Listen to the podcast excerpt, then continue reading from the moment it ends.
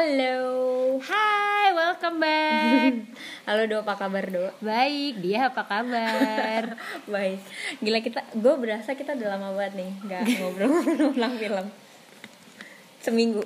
ya benar kan kita rencana mau tiap minggu ya Hmm. kita nge-share si podcast ini. Hmm. Oke. Tapi gue happy sih hari ini eh, karena kita mau ngebahas salah satu film favorit gue sih. Oke. Is like all time favorite gue. Oke. Itu tentang Bucket, Bucket list. List. Filmnya ini tahun berapa di? tahun 2007 ya kalau Ya, salah, 2007. Terus si main role-nya ada uh-uh, dua orang. Yang iya main role-nya ada dua, yaitu Morgan Freeman sama Jack Nicholson. Ya, kan. which, gue suka banget Morgan Freeman Iya, dan, lo dua-duanya suka. gua.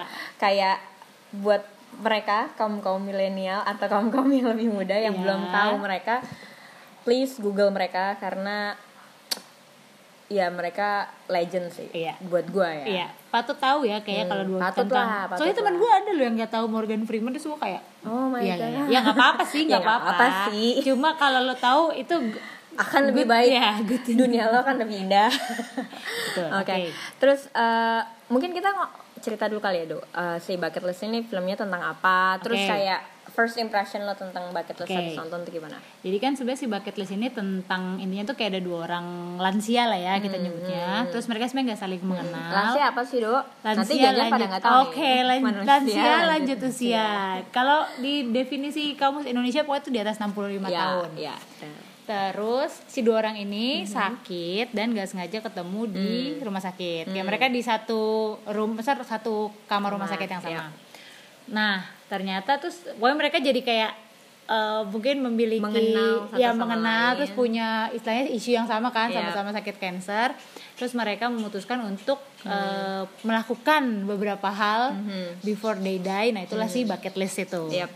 Itu ceritanya. Ya. Terus, Terus, impression lo gimana? Impression. Oke, kalau tentang impression awal, gue saya suka Morgan Freeman ya. Jadi Iya, kayak filmnya, sebenarnya gue ngelihat dia doang tuh gue seneng. Iya. Lebih kepada karena dia tuh kayak kayaknya effortless gitu loh kayak Iya. kalau saya dia jadi siapa terus kayaknya nggak terlalu berusaha keras Acting, tapi iya benar. Actingnya tuh nggak so, nggak seolah-olah tuh nggak nggak perlu sekolah iya gitu kan. kayak misalnya dia dia Natural sebagai si aja. karakter nih kayak ya Hmm. gue percaya dia masih si karakter ini Ah, gitu tanpa dia perlu iya. terlalu, ber- terlalu berusaha gitu kan Iya. Uh, terus sebenarnya film ini tuh nggak terlalu berat yang kayak gimana kayak film keluarga Hmm. Betul. tentang lansia terus hubungan sama family gitu-gitu Hmm. cuma emang karena tokohnya kali ya maksudnya karena mereka yang main jadi tokohnya Hmm. Betul. kuat jadi gue kayak nggak bosen nontonnya Iya, dan ngeflownya tuh ngalir gitu Iya. aja terus emang maksudnya jokes jokesnya gue juga suka karena ya karena gue suka mereka berdua tuh Iya, emang benar. kayak jokesnya Bukan lucu karena gitu. kita udah tua ya. iya gue tapi gak merasa kok gue suka banget sama orang tua Iya, gue juga. kayak kalau lu nonton tuh kayak Iya. mereka enak maksudnya Iya, menyenangkan bener-bener. untuk dilihat gitu Iya, kayak bener-bener bersahabat. Iya, Iya. ya benar mereka kayak beneran sahabat gitu, terus chemistry-nya dapet gitu Iya, kan, jadi gue suka. Hmm. Terus, eh, wah nanti bakal jadi ke profiling sih ya, tapi maksudnya kayak gue, eh, maksudnya mereka berdua itu sosok yang sebenarnya beda. Terus itu mungkin bikin jadi menarik sih, kayak si Carter mikir A, terus tiba-tiba Iya, si mereka bener-bener kayak dua kutub yang Ah, ah, berbeda. dan itu kadang-kadang poin jadi lucunya tuh di situ sih kayak Iya. dia ngelihatnya si A si ini kok ngelihatnya B jadi Iya. dia lucu aja gitu gue ngeliatnya karena beda banget Iya. kan Eh, itu sih warm gitu Iya. filmnya jadi kayak Iya. menyenangkan buat ditonton Oke. kalau gue impresinya gitu Hmm. kalau dia gimana Eh, ya, pertama gue suka sama Morgan Freeman aja Iya. dan Jack Nicholson. Iya. Gue nonton filmnya Jack Nicholson tuh hampir semuanya dan Iya. gue ngerasa kayak setiap dia acting, gue nggak pernah nggak percaya sama apa yang dia mainkan gitu kan. Iya. Oke, maaf ya tadi ada intermezzo. Oke, terus ya gue suka banget sama uh, sama Jack Nicholson dan um, impresi gue terhadap film ini uh, benar gitu kan. Um, kalau di gue film itu ada beberapa tipe ya. Ada tipe-tipe film yang memang plot ceritanya solid gitu, yang bener-bener bener-bener kuat gitu plotnya. Terus ada yang sutradaranya oke sampai membuat para pemainnya dan karakternya tuh bener-bener masuk ke ceritanya si sutradara gitu. Dan berikut eh, eh, tadi gue bilang ada dua ya. Iya. Ternyata ada tiga. Dan menurut gue eh, film ini tipenya adalah yang ketiga yaitu karakternya Hmm, yang kuat hmm. gitu dan yang mainin Hmm. gitu kan Iya, buat- yang mainin, Ah, ah, iya, yang mainin jadi sebenarnya memang bener bener kata lo plot ceritanya ringan gitu Hmm, hmm, hmm, plot ceritanya nggak terlalu sesuatu yang sophisticated Hmm. gitu yang kayak tentang kita science ngomongin fiction science apa fiction gitu atau kan. kayak ya macam-macamnya film Interstellar Ah. ataupun Inception gitu ini film tentang kayak perjuangan dua orang melawan kanker. Yang ternyata sebenarnya bukan tentang jerninya itu bukan tentang mereka fight kanker itu sendiri gitu tapi tentang tentang uh, eksplorasi diri ternyata gitu kan. Dan uh, filmnya lumayan umum terjadi gitu. Mungkin karena karena itu umum terjadi kali ya. Jadi tuh kita bisa masuk kita bisa relate bahwa oh memang mereka human being juga gitu. Terus eh, itu satu. Jadi eh, cara mereka memainkan cara mereka mendalami karakternya itu yang membuat film ini jadi kuat menurut gue ya. Terus eh, iya kan? Terus eh, apa namanya? Dan benar mungkin karena dua-duanya adalah ya mereka bukan bukan pemain amatir ya Bukan kaleng-kaleng ya, bukan- ya. mereka bener-bener kayak Ya udah aktor kawakan juga, gitu. ya, jadinya gue ngeliatnya kayak gue beneran percaya bahwa mereka memang temenan. Hmm. gue yakin mereka sebenarnya temenan juga sih. Jadi itu mungkin lebih memudahkan mereka dalam berakting kali ya. Hmm. terus em, iya gitu. Jadi eh, tentang film ini kenapa gue suka? Karena filmnya gak terlalu heavy tapi menyenangkan. Bener Iya. warm. Bawa bawa suasananya warm. Gitu sih Oke. Oke, terus mungkin kita masuk ke profiling kali ya dok Oke. gitu kan kayak eh, menurut lo sendiri kalau kalau lo boleh memilih ya Hmm. kan ada banyak karakter nih ya di film itu kan Oke. lo siapa Ya again karena gue Carter. suka si Morgan Freeman ya gue suka Carter. Carter ya Karena kayak menurut eh, nggak tahu sih kayak gue kalau Carter ngeliat itu dia- Morgan Freeman dan Oh, iya. Edward Cole itu adalah si, si eh, Jack, Nicholson. Jadi kalau gue si Carter itu karena dia kan kebapaan banget ya kalau gue ngeliat di film itu terus gimana dia tuh banyak mengorbankan kalau dilihat ceritanya ya, banyak mengorbankan tuh masa muda dia kayaknya Yap. tuh mengorbankan mimpi-mimpinya dia dan waktu itu kayak kalau diceritain kan pengen jadi Profes eh, guru profesor guru, di Iya. history lah History, ya. Hmm, nah. Terus ternyata tiba-tiba kan istrinya hamil, jadi dia kayak harus ya gue harus cepet-cepet cari yang Iya. pokoknya kerjaan yang bisa gue dapetin. Iya. Terus turns out terus kayaknya dia kayak spend 45 years Iya. of his life ya udah gue di- dia jadi mechanics gitu Iya. karena yang penting untuk nge-provide keluarganya. Walaupun dia deep down dia dia bilang bahwa saya eh, dia terus menunggu dan menunggu Ha. kayak seolah-olah dia memang melihat bahwa gue berharap chance itu ada untuk Iya. gue keluar dari sini Iya. sebenarnya. Bukan menyiksa, bukan kehidupan dia bukannya sesuatu hal yang menyiksa dia tapi sometimes dia memang butuh keluarnya Iya, kayak dia ya gue, maksudnya gini, dia as a Carter gitu sebagai seorang karakter manusia bernama Carter ya mungkin dia mimpinya pengennya tuh kayak kalau lihat dari ceritanya, sebenarnya gue pengen explore dunia, Iya. gue pengen tahu ini tahu itu gitu. Cuma ya gue sebagai ayah, gue sebagai suami yang ngomongin peran kan ya gue harus Yep. provide keluarga gue gitu. Benar, benar. Terus gimana dia tuh orang yang, eh maksudnya itulah banyak ya banyak mengorbankan buat keluarganya ya. Terus turns out dia tuh dapat kesempatan mungkin kayak menang kayak menang undian gitu ya. Tiba-tiba dia ketemu si Jack Nicholson dia bisa lah tercapai Ya. sih mimpinya untuk pergi-pergi ke mana-mana. Ya maksudnya tau sih ya gue seneng aja sih karena kayak gue cuma mikir ya orang baik ada aja Iya. jalannya. Kemudian dia bisa dapetin gitu maksudnya hal-hal yang emang dia kejar gitu kan. Hmm. Dan maksudnya gimana dia kemudian berinteraksi sama si Jack Nicholson tapi dia tuh juga maksudnya gini mereka kayak change value gitu yang Iya, sama-sama benar. ngebantu satu sama Iya. lain sih yang gue senang di film ini gitu. Hmm, itu sih kalau gue kalau lo siapa? Tokoh yang lo suka? Eh, sebenarnya gue juga suka sama Carter sih ya gue kira lo bakal mikir eh tuh, tuh akan milih Enggak. si Edward Iya, tapi gue memang uh, favorite gue di sini Edward. Oh, Kenapa di gue? sudah di- kuduga. Menurut gue karakternya dia kuat banget di sini Hmm. karena gini, dia tuh sebenarnya sebagai penentu, oke ya kan? ya Kalau nggak ada dia, sebenarnya ini nggak nggak akan ya iya ya terjadi. dia punya duit lah gimana balik balik tapi maksudnya dia yang yang uh-uh. bikin Ta- tapi change-nya maksud gue gini, ini bukan tentang resource-nya dia juga, Hmm. resource yang dia punya, tapi tentang gimana dia gini kalau gue ng- boleh ngomongin profil tentang mereka berdua Hmm. ya gue ngeliatnya memang si Edward eh eh, sorry si, Si eh, Carter. Carter itu memang eh, yang gue kemarin ngobrol tuh Hmm, sama lo gitu hmm. kan dia memang benar dia seolah-olah terprogram untuk tidak Hmm. tidak keluar dari norma-norma Hmm. atau harapan-harapan lingkungannya terhadap Hmm. dirinya dia jadi Hmm.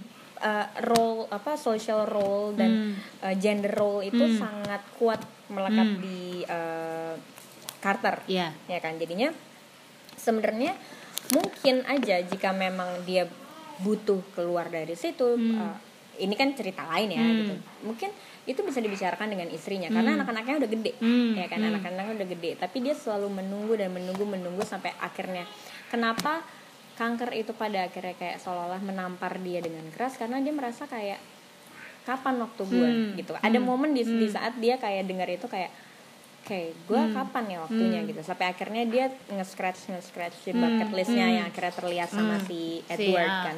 Nah di situ menurut gue kenapa si uh, Edward jadi uh, kuat ya karakternya. Karena gini oke dia sebagai uh, tadi lo bilang kan kalau kalau kita compare ya Hmm. memang si Carter itu adalah kayak good copnya kan Hmm, hmm. kayak orang yang memang selalu lurus lurus baik, gitu nurut iya. gitu kan uh, memenuhi semua ekspektasi semua Hmm, orang gitu on the other side gitu kan ada Edward yang mungkin dia jadi ya bad copnya di sini devilnya ibaratnya kayak dia jahat sama Hmm. Orang gitu ah. kan ngomong senaknya Ah. gitu kan tapi gue ngeliat juga ada kebaikan-kebaikan sih Dok, di Hmm, di, di si si Edward. uh, Edward Hmm. gitu karena gue ngeliat sebenarnya lukanya dia dalam banget Hmm. gitu kan Fak- ini juga menarik ya menurut gue ya karena gini eh, hubungannya pada akhirnya tuh saling tarik menarik dalam Hmm. arti kata gini si si Carter adalah family man Hmm. yang punya semua hal yang mungkin diinginkan oleh Carter Hmm. keluarga Hmm. kehangatan itu Hmm. dan segala macam Carter dia memang kaya gitu Hmm. dia loaded Hmm. terus dia dia punya banyak bisnis dan segala Hmm. macam tapi somehow itu nggak pernah membuat dia happy Hmm. malah itu membuat dia marah terus Hmm. gitu kan kayak miserable hidupnya Hmm. jelas menurut gue dia luka Hmm. gitu kan sedangkan eh, si eh, Carter Hmm.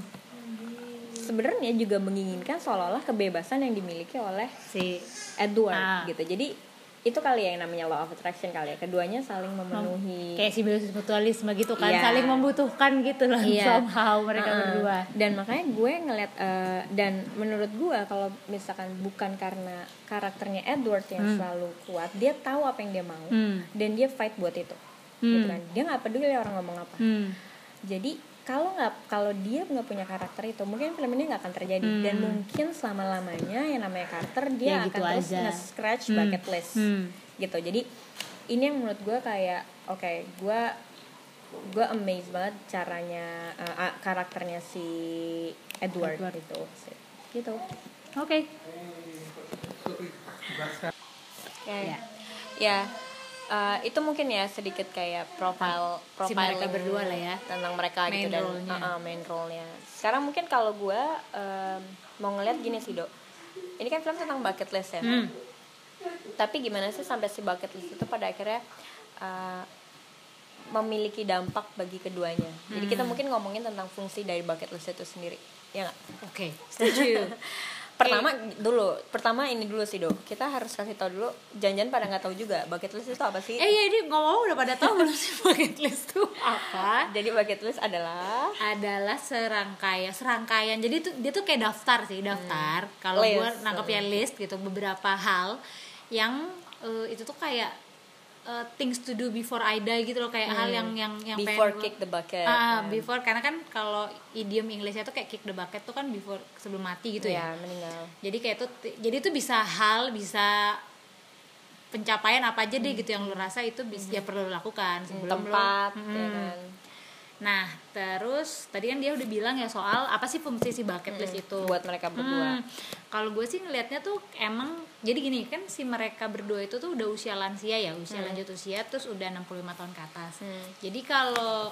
di psikologi tuh ada tuh yang namanya teori perkembangan gitu jadi kayak manusia Kasih itu tahu, Dok. ya jadi manusia itu tuh dari dia lahir sampai dia nanti mening kalau dia sampai tua itu tuh ada kayak apa ya fase-fasenya lah dia akan menjalannya Ini kita tuh fase pakai apa, siapa fase nih? apa. Eric- Eric ya ini si tokohnya tuh namanya Erik Erik Erikson dia sering dibilang bapak psikologi perkembangan Hmm, Nah, ketika udah usia lansia, itu tuh masuk tuh ke Hmm. sebuah fase, fase terakhir sih, itu namanya integrity versus despair. Despair. Hmm. Nah, jadi kalau di dalam fase ini sebenarnya tuh lansia itu sering kayak looking back his or Hmm. her life gitu loh. Terus dia tuh kayak memutuskan atau menilai gitu lah. Hmm. Hidup gue ini sebenarnya apakah udah cukup se- eh, enough nggak buat Yep. buat standar gue ya? Yep. apa pun standarnya apakah itu tuh udah enough atau enggak nah ketika lo merasa bahwa oke hidup gue tuh udah seperti yang gue mau lo akan dapat yang namanya si integrity itu. Kayak Yep. lo merasa udah sebagai manusia yang utuh gitu. Yep. yang utuh oke gue udah jadi seperti Astrid yang gue mau gitu. Yep. nah tapi kalau lo ternyata melihat banyak kekecewaan banyak lo merasa harusnya gue dulu gini harusnya gue gitu. Nah itu tuh lo justru akan masuk ke yang namanya si despair, jadi lo merasa ya lo ya gue tidak seperti yang gue mau ya gue jadinya banyak kekecewaan gitu Ah, intinya kayak gitu nah di fase ini kalau gue ngelihatnya sih bucket list ini kemudian ngebantu si Edward dan si Carter, tuh untuk kayak ngelihat Menemukan ya semua. menemukan sebenarnya diri gue tuh seperti apa satu dan apakah gue sudah menemukan diri yang maksudnya sudah menjadi apa yang gue mau gitu Iya, kan yang diharapkan dia. Hmm, gitu. Nah, kalau kita lihat kan emang pas kalau dilihat dari listnya ya, emang listnya si Carter itu kan mostly lebih kayak gue pengen ngelihat A, ngelihat B, ngelihat C gitu. Yang mungkin kita jadinya ngelihat sebenarnya dia tuh ada sih regret nggak banyak ya, tapi mungkin ada regrets yang ya gue sebenarnya pengen lebih explore dunia ini, gue pengen lebih bisa punya kesempatan untuk ngelihat banyak hal dalam di dunia ini karena selama ini gue mungkin terkungkung sama peran gue sebagai ayah dan ibu gitu. Yep. Meanwhile si Edward kan sebenarnya kalau kita setelah ceritanya berjalan gitu kita lihat sebenarnya bucket list dia itu ya dia pengen punya hubungan yang baik sama si anak perempuannya yang sempat udah rusak itu kan. Walaupun sebenarnya awal-awalnya dia eh, menurut menurut gue ini just another defense-nya Ya, si, eh, si Edward, Edward ya. kayak, eh, bikin tato, ah itu skydiving ya itu lah. mungkin bukan the real bukan the uh, real, uh, tapi uh, real yang real yang dia mau gitu. Karena uh, sebenarnya itu gini ada orang orang-orang banyak uh, gini. Ada ada yang perlu kita pahamin gak sih dok bahwa terkadang ketika seseorang luka hmm, dia tuh copingnya bisa macam-macam ya kan?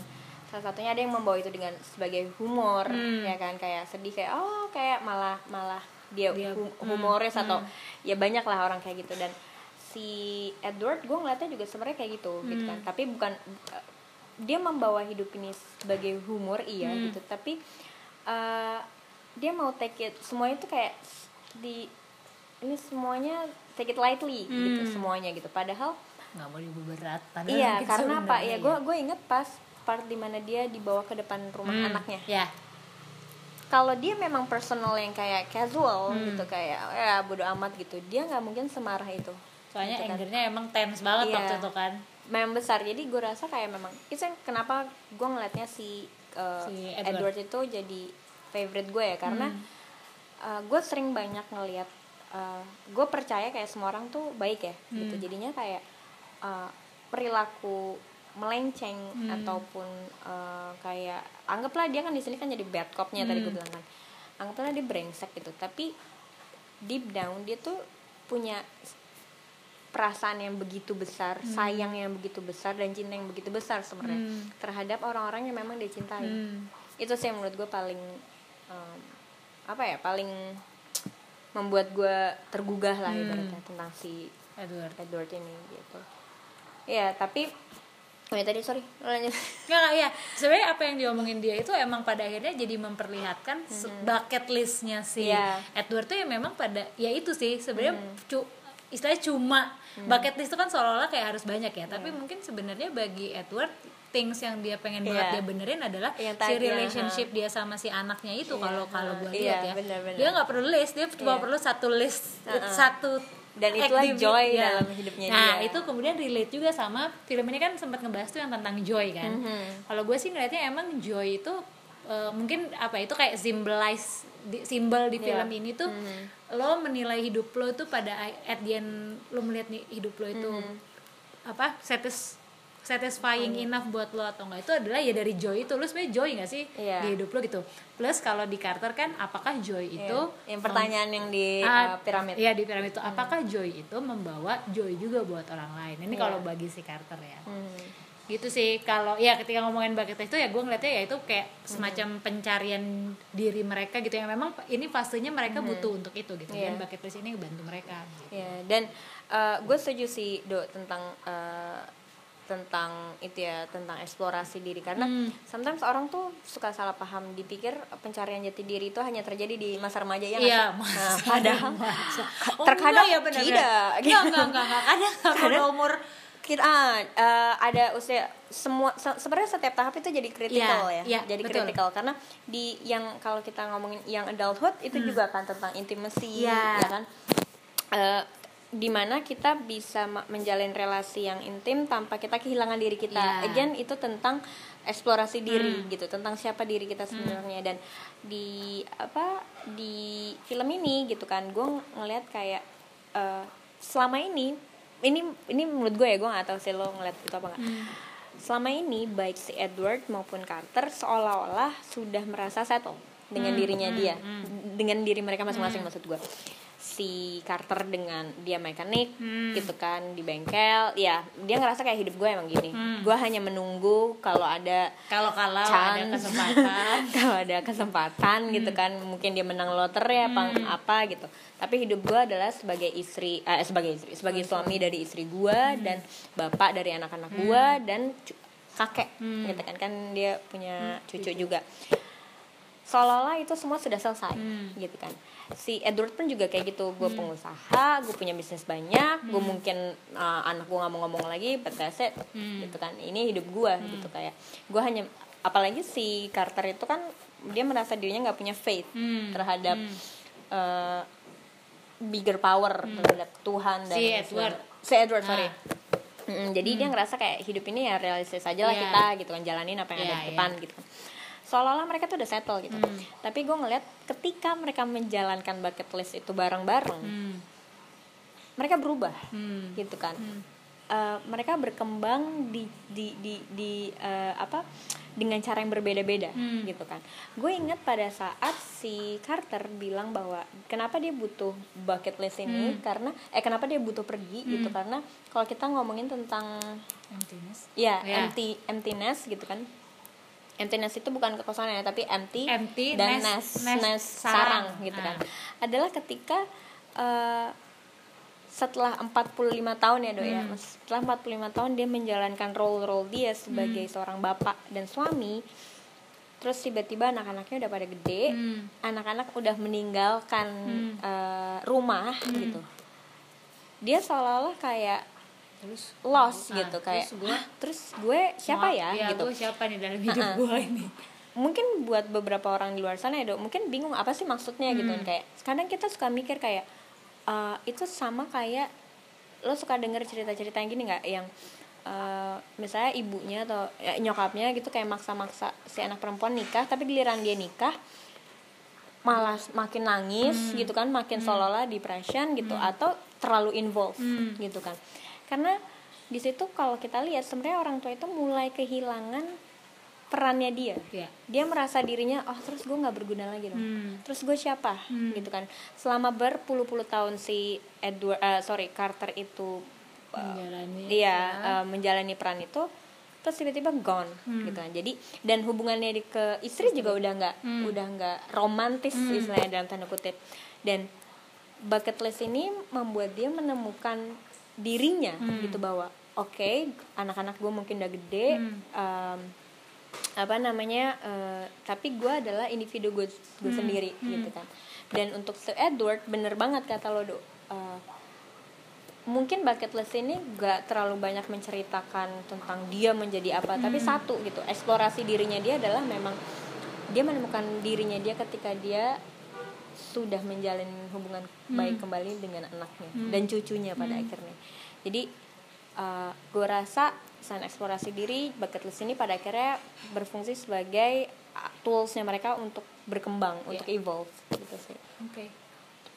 Gitu btw eh, tadi nambahin dia dikit Mhm. tadi dia tuh udah sempet nyebutin ya tentang si empty nest itu Mhm. ini ka- kalian tahu kalian ya kayak jadi gini empty nest tuh kayak ya kita akan jelasin kok Iya Ah, kita tenang aja kita pasti jelasin don't worry jadi empty nest itu tuh kayak sebuah apa ya sindrom kali atau term istilah Hmm. yang biasanya dialamin sama eh, orang tua Mhm. ayah atau ibu yang eh, anak-anak itu udah gede kemudian tadi Yep. kayak kata dia eh, orang anak-anak itu kan meninggalkan rumah Hmm, meninggalkan empty nest, nest itu dari itu sarang dari sarang jadi seolah-olah si sarang atau rumah itu kemudian jadi kosong Jadi gitu jadi kosong. tinggal mereka berdua nah ketika itu tuh biasa sering orang tua tuh merasa kayak ada kekosongan karena Mhm. loh gue ini kan selama ini Iya. peran gue itu adalah membesarkan Ibu, anak mengurus anak, anak iya. jadi gue itu adalah orang tua gitu nah Mhm. ketika anak-anak yang gue besarkan itu kemudian pergi keluar dari rumah menikah gitu Dia kehilangan fungsi pada iya dia kayak kehilangan fungsi bener apalagi kan kalau orang di luar di eh, barat gitu ya Hmm, pada usia tertentu kan memang anak-anaknya itu cenderung ya udah akhirnya nah. ke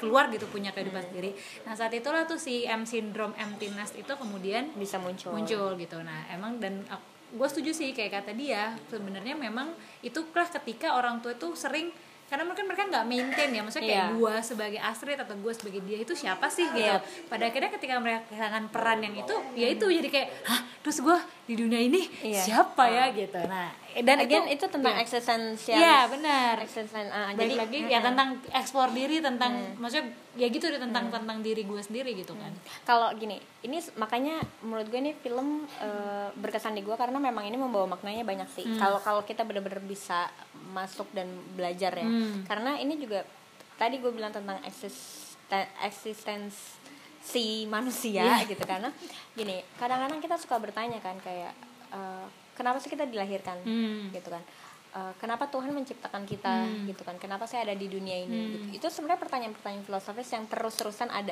yang terus-terusan muncul Sepanjang di kita- sepanjang kita hidup Hmm. gitu kan dan eh, itulah kenapa eh, kayak seperti si Carter gitu Hmm.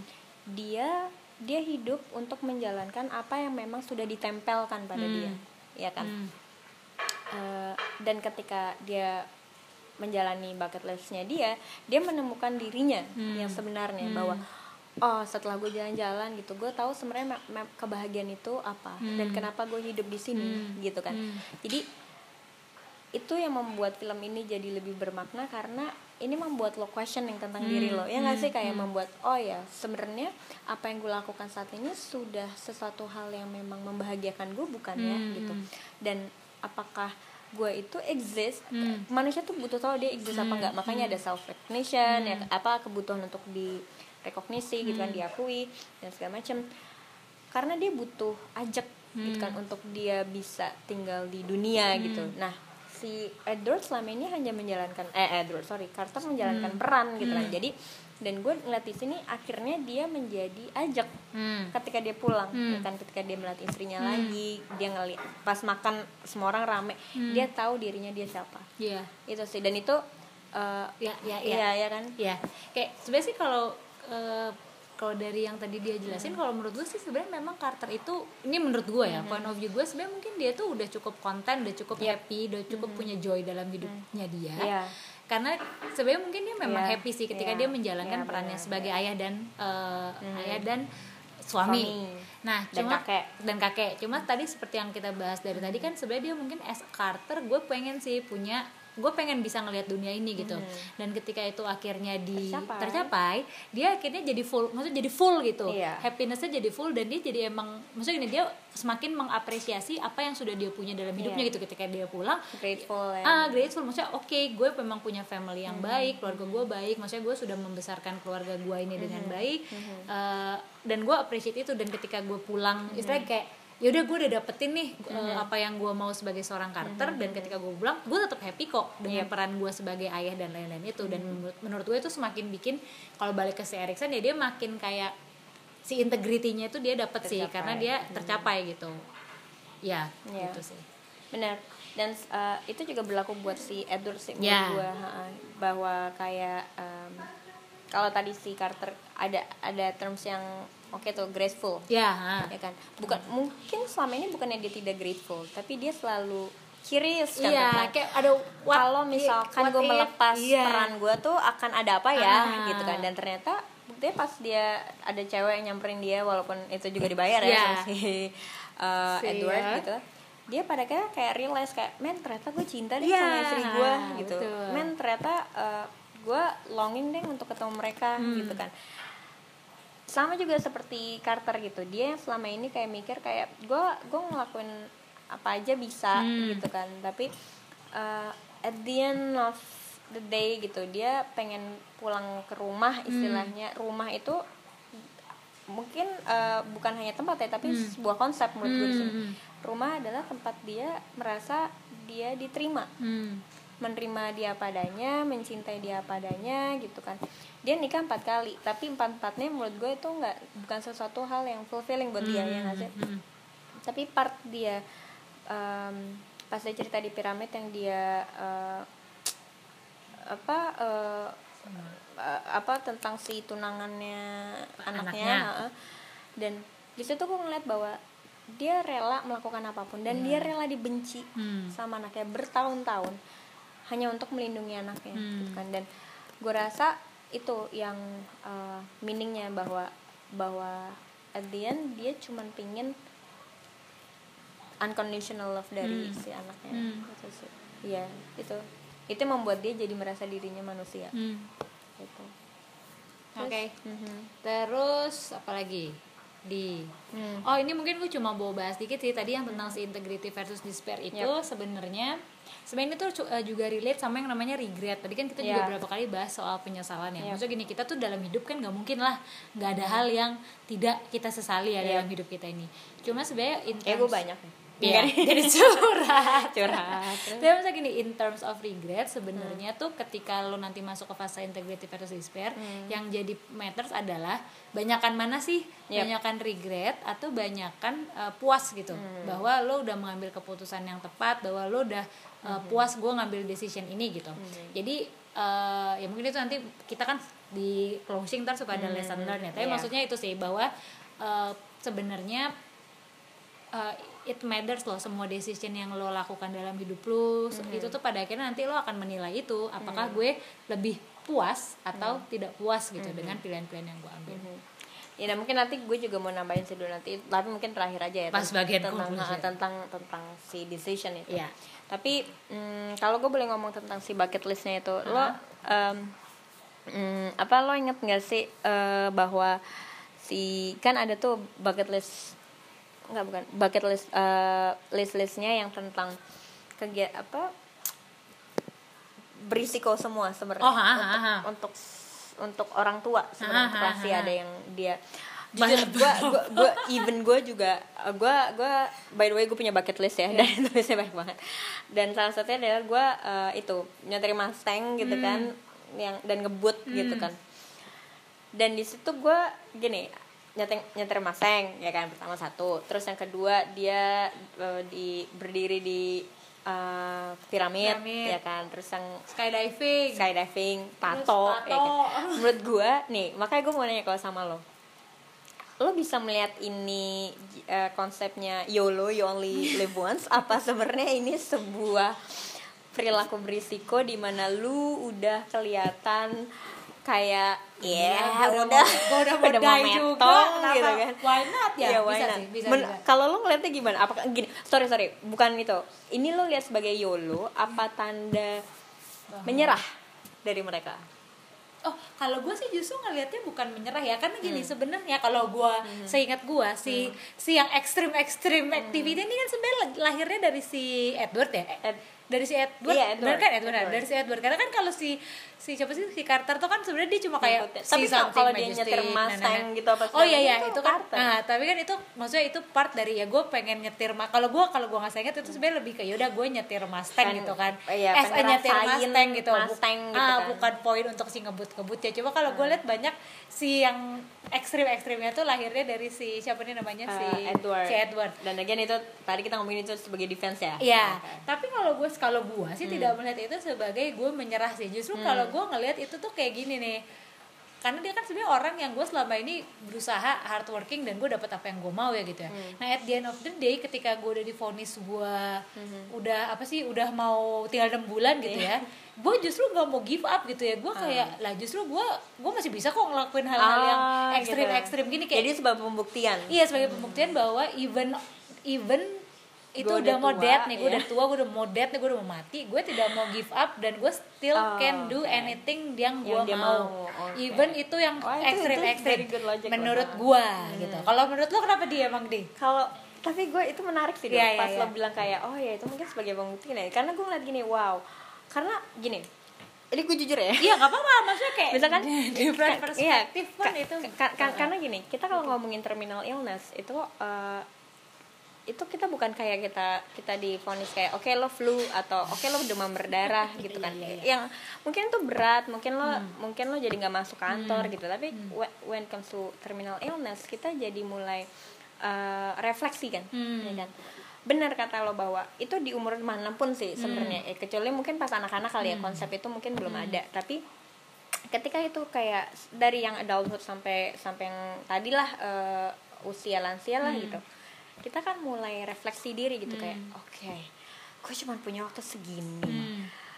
gue akan ngapain ya? Gitu kan kayak dunia ini gede banget gitu kan. Terus gue akan ngapain? Kan Ka- kalau gue gue jujur aja eh, dibanding gue kimo gitu kan Hmm, hmm, makanya makanya gue menarik banget pas si, eh, Carter ngomong sama istrinya. Berantem kan mereka karena si Carter mau melakukan journey Oh, sama eh, si- sama Edward ah. buat eh, bucket list. Terus si istrinya bilang bahwa intinya lo giving up eh, apa opportunity untuk lo bisa hidup gitu. Terus kayak di situ kan Dia- Carter snap banget gitu. Kayak hah? Dia langsung kayak teng gitu. Kayak lo bilang gue giving up gitu kan. Kayak selama 45 tahun gue nggak pernah eh, menyerah Berhenti gitu kan. Gue nggak pernah berhenti bekerja berlari berjalan you name it lah gitu kan untuk untuk keluarga ini dan untuk kalian untuk bisa hidup sejahtera gitu. Tapi gue eh, part dia dia menolak untuk di kimo part dia untuk ikut apa eksperimen apa eksperimen Oh, obat iya, iya. gitu kan. Itu gue ngeliat bahwa kayak oh gue juga kayak gitu sih tipenya gitu. karena kalau gue hanya let's, let's just say gue cuman punya hidup tiga bulan Hmm. gitu kan. Umur nggak ada yang tahu gitu kan.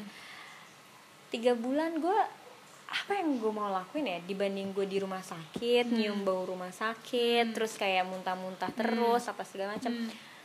Mendingan gue memang tiga bulan itu apa banyak hal yang bisa gue lakuin di dunia ini gitu. Jadi gue ngeliatnya kayak ini opportunity gitu ini seperti ya you only live once Jadi kayak gitu. YOLO gitu. ah Iya, iya, iya, YOLO benar. kalau gue jadi kayak oh gitu tapi tadi gue menarik pas bilang kayak ini pembuktian juga buat si Edward kalau buat Edward ya ini ya. bahwa kayak gue masih kuat gitu gue akan ngelakuin apa aja yang gue mau gitu dan gue bisa gitu terus gue kayak oh ya itu juga bisa sih gitu karena mereka udah tua Iya, gitu iya, kan. iya. tapi kalau ya gue personally gue paham banget part eh, si bucket list ini pada akhirnya benefitnya buat mereka juga pertama jadi pembuktian juga yang kedua ya ini ini akses buat si mereka berdua untuk bisa menjalani hidup eh, secara apa ya ibaratnya? Konten fulfilled konten, iya. apa ya bahasanya apa? Tapi lo iya. ngerti ngerti kan ngerti ngerti ya kayak- kayak cara karena dunia gitu. ini luas banget Hmm. gitu. Banyak hal yang belum kita lihat banyak warna yang belum kita lihat dan kenapa kita nggak explore? Hmm. gitu sih. It- itu yang menarik di gue juga sih. Oke terus oke nah. jadi menurut gue itu berarti kalau lo buat pembuktian Iya. gitu kan kenapa ada suara laptop sih dok? Ketahuan nih kita sambil buka laptop. Oke ya pembuktian dan eh, sebenarnya tadi apa gue bilang? Buat Eh, ya iya. fulfill apa ya kayak ya hidup YOLO yang, lah ya, ini YOLO itu hidup-hidup yang bahwa ini bukan giving gimana? up ya. Hmm. live a life Hmm, itu yang kemarin gue ngomong. Iya. ya gitu. Terus em, eh, mungkin kita ngomongin juga ya mungkin sekarang kita langsung masuk aja kali ke summary-nya kita Oke. berdua Ya. gimana Eh, mau dia dulu summary tadi tentang decision oh iya Hmm. tadi gue mau ngomong gini dok Hmm. Eh, kadang kenapa kenapa kita tuh kadang-kadang suka em, eh, pada akhirnya suka ngerasa nggak bahagia ya Hmm, menurut hmm, gue hmm, gitu hmm.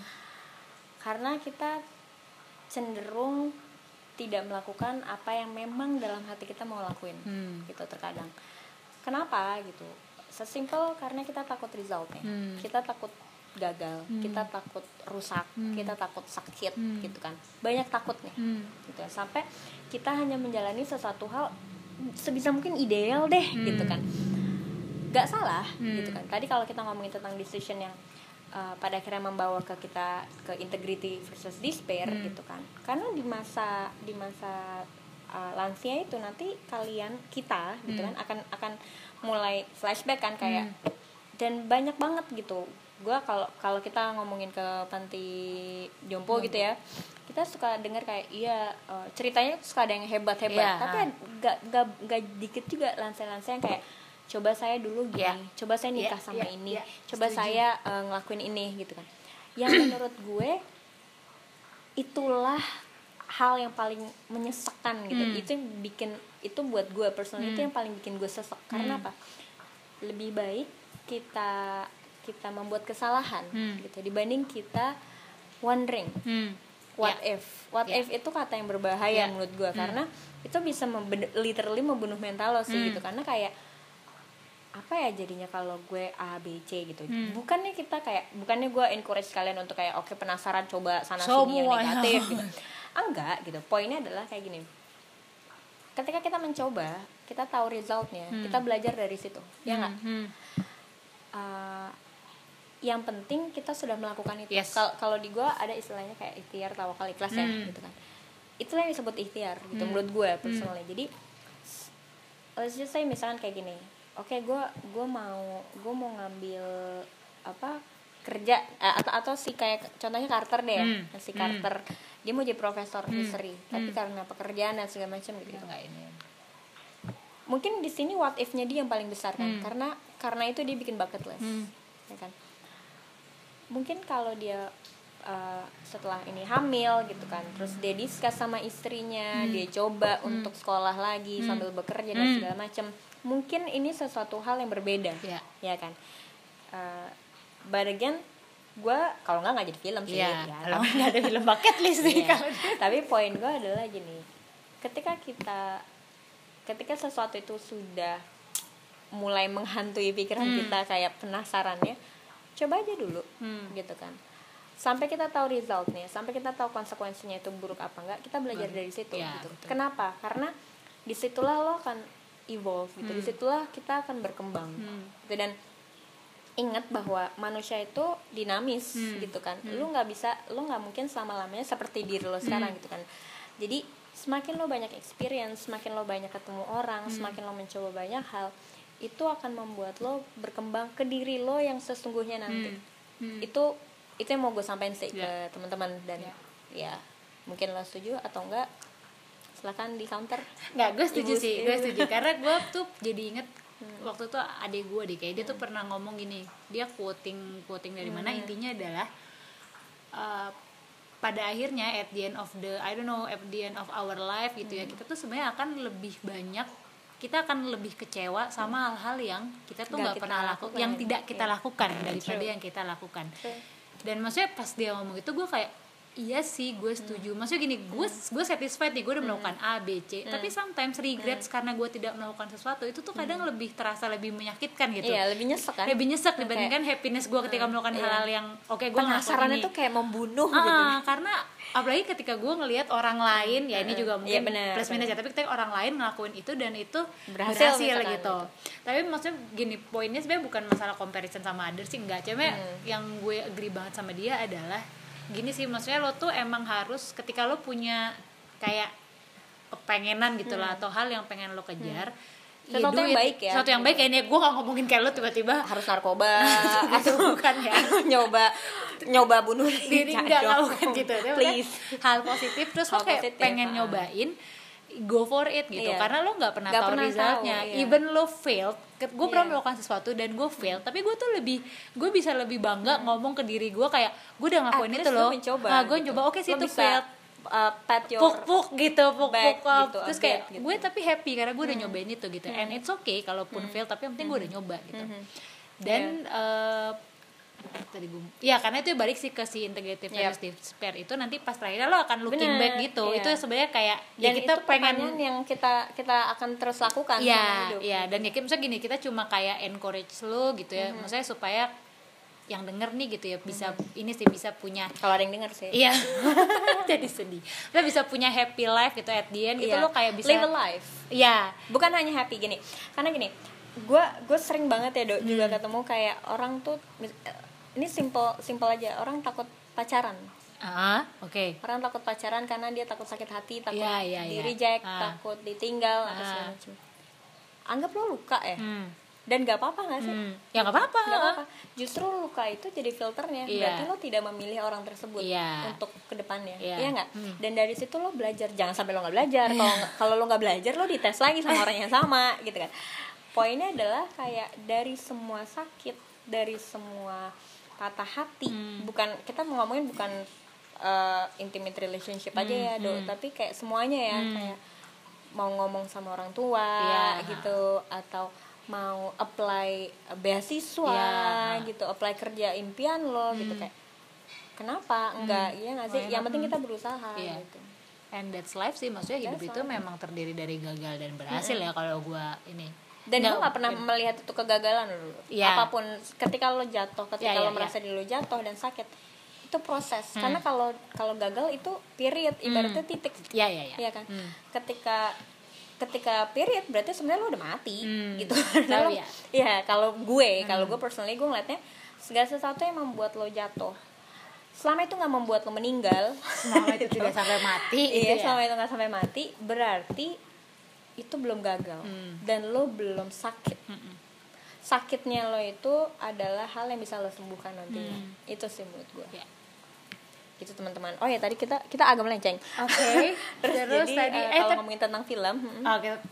balik lagi ke filmnya oke sorry dok AA, jadi tadi uh, sebenarnya kita tadi tentang lesson learn-nya ya. Tadi kan Hmm. tentang si decision itu kata dia. Terus tentang joy sih. Kalau gue mungkin mau ini sedikit tentang Iya, joy iya, karena kalau gue sih ngeliatnya intinya joy itu beda. Tiap orang tuh bisa memaknai joy itu beda. hmm, benar beda dan sometimes kita nggak bisa mm, nggak bisa maksain orang sih kayak ya itu kayak misalnya gini eh, menurut gue harusnya lo nikah deh dan punya anak gitu Hmm, ya bener. sometimes orang tuh joynya beda sih ya Beda. mungkin joy gue bukan masalah gue nikah punya anak tapi gue emang misalnya gue pengen eh, kuliah sampai S2 kenapa? Karena habis itu gue pengen pakai ilmu gue buat orang lain gue pengen bisa berguna buat orang lain. Ya and that's fine menurut gue ya. Maksudnya lo tidak bisa memaksakan juga gitu kan standar eh, satu orang ke orang lain Benar, benar. nah ini tadi mungkin relate sama yang tadi dia bilang sih soal kadang kita tuh pengen ngelakuin sesuatu gitu kan pengen mencapai ini itu tapi kadang kita takut gue ngerti banget ya apalagi kita budaya timur ya kadang-kadang Iya. itu ke- mungkin juga bukan cuma takut tapi ini masalah ekspektasi dan masalah Orang-orang, iya. orang-orang nilai-nilai di kita yang bilang ya lo harusnya tidak melakukan itu gitu misalnya kayak lo sebagai istri gitu lo harusnya tidak mengambil kuliah sampai S3 karena lo berarti lo abandon your family gitu Iya. ya ini sih itu ya itu balik lagi sih karena tiap orang bisa punya story yang beda-beda tapi tetap poinnya adalah gini even though lo memutuskan untuk gue tidak mau kuliah S2 dan gue mau membesarkan keluarga gitu ya misalnya sebagai perempuan it's okay as long as lo emang happy, dan Happy, lo memang iya. itu decision lo gitu. Iya. gue ya kita nggak akan bilang ih lo nggak live your life. Ya enggak lah orang lo memang memilih bahwa dan itu lo berarti live your life iya itu ya. live your life lah karena memang lo memang kayak Mona Lisa memaknai Smile ya eh, itu film yang berbeda Iya. oke mungkin Iya. kita bisa bahas dulu ya. Tapi maksudnya kita bisa memaknai bahwa ya happynya gue itu seperti itu seperti itu and it's Gitu. fine. Yang penting poin kita adalah lo menjalani hidup itu dengan ya lo mau itu, lo kejar itu. Jadi at the end of your life lo nggak akan bilang gue nyesel sih harusnya Iya. gue gitu. Intinya Iya, itu. intinya gitu. kayak gitu iya benar kalau gue iya benar kalau gue waktu itu pernah dengerin salah satu TED Talks ya aduh Hmm. gue lupa namanya maaf ya saya orang yang suka lupa. Tapi um, dia juga ngomong hal yang sama. Happiness itu dan gue setuju happiness itu joy itu is all about perspective. Hmm. ya menurut gue tergantung dari angle mana lo mel- melihat hidup lo Hmm. ya kan? Dan dari uh, makanya gue gue kadang-kadang suka suka ngobrol sama klien gue kalau lo memang mau happy lo per- pertama lo define dulu Hmm. your Hmm, own happiness hmm, hmm. gitu. Kalau enggak kita mengejar sesuatu konsep Iya. abstrak. Ya. ya nggak sesuatu hal yang sebenarnya lo nggak ngerti. Ya jelas lo kelelahan karena nggak ada finishnya gitu. Tapi setelah lo define gue happy ketika misalkan benar kata Ciro misalkan oke gue happy kalau gue bisa uh, traveling. Hmm. just go for it gitu. Hmm. Mungkin kayak oke itu butuh biaya besar apa segala macam ketika kita meletakkan fokus kita ke situ Hmm. seluruhnya akan kita kerahkan ke situ ya nggak Hmm, sih Dok? hmm, jadi setiap pekerjaan setiap temen kita bicara ke temen juga pasti Hmm, tentang hmm, itu dan segala macam kalau kita memang fokusnya ke situ dan percayalah itu bisa terjadi Hmm, ya hmm, nggak sih hmm. jadi itu sih menurut gue bener bener kata lo bahwa joy happiness itu subjektif dan semua tentang perspektif Hmm. gitu kan dan gak bisa dipaksain Ya.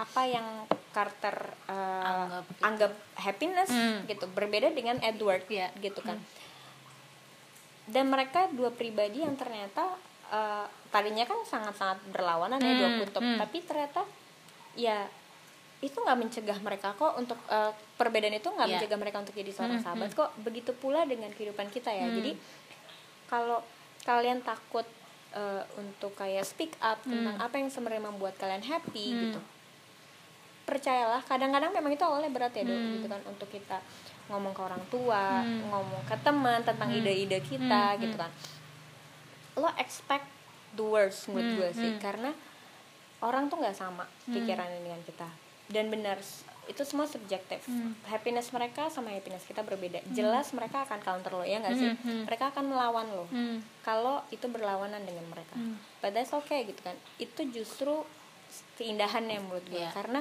itu yang membuat kita semua jadi manusia Hmm. kita semua unik gitu jadi jangan pernah takut untuk uh, tahu apa yang lo mau Hmm. gitu kan catat apa yang membuat lo Hmm. bahagia Iya, iya.